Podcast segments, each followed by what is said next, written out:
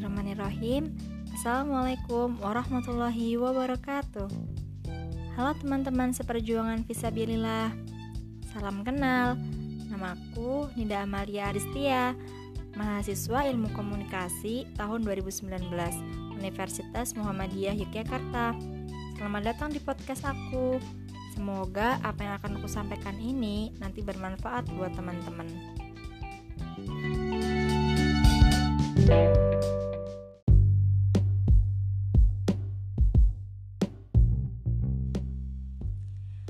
Oke, pada kesempatan kali ini aku akan sedikit bahas tentang teknologi penyiaran. Tapi sebelum itu, aku pengen tanya, sebenarnya apa sih penyiaran itu? Nah, kalau teman-teman belum tahu, jadi penyiaran itu merupakan kegiatan pemancar luasan siaran melalui sarana pemancaran yang ditransmisikan menggunakan spektrum frekuensi radio melalui udara atau kabel dan media lainnya untuk dapat diterima secara serentak dan bersamaan oleh masyarakat dengan perangkat penerima siaran. Oh iya teman-teman, seperti yang kita tahu, di zaman sekarang ini teknologi sudah sangat berkembang dan modern, hingga segala sesuatu pun menjadi mudah namun, kita tetap tidak boleh melupakan sejarah bagaimana awal mulanya adanya penyiaran di Indonesia yang ternyata sudah ada sejak zaman kolonial Belanda hingga kemudian berkembang menjadi Radio Republik Indonesia atau yang lebih dikenal dengan RRI. Oke, lanjut saja. Untuk saat ini, dengan bantuan teknologi yang semakin mempermudah segalanya, termasuk dengan kehidupan manusia, Ternyata hal tersebut cukup berimbas pula pada bidang penyiaran, yang tentunya dalam proses penyiaran harus memiliki syarat tertentu. Di antaranya, yang pertama, harus tersedianya spektrum frekuensi radio. Nah, spektrum frekuensi radio adalah kumpulan pita frekuensi radio yang berbentuk gelombang elektromagnetik. Dan untuk teman-teman yang bertanya, gelombang elektromagnetik itu apa sih?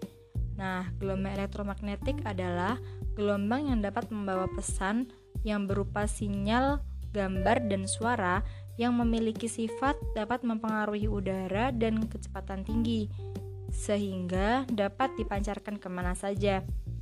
Hingga kecepatannya di ruang hampa dapat mencapai 300.000 km per detik. Yang kedua, harus ada sarana pemancaran yang terdiri dari mikrofon, rangkaian pemancar, dan juga antena. Mikrofon sendiri adalah yang mengubah bunyi menjadi sinyal listrik. Lalu ada rangkaian pemancar yang dapat mengubah sinyal listrik menjadi gelombang elektromagnetik. Dan yang terakhir ada antena yang dapat memancarkan gelombang elektromagnetik sehingga dapat merambat ke tempat yang jauh. Lalu ada syarat selanjutnya, yaitu harus ada perangkat penerima. Dengan audiens juga harus memiliki radio ataupun smartphone yang saat ini juga bisa digunakan untuk mendengarkan siaran. Selanjutnya, harus memiliki program acara. Nah, program acara ini merupakan program yang akan disajikan atau diperdengarkan pada para pendengar. Dan untuk yang terakhir, harus dapat diterima secara serentak meskipun dengan jarak yang jauh.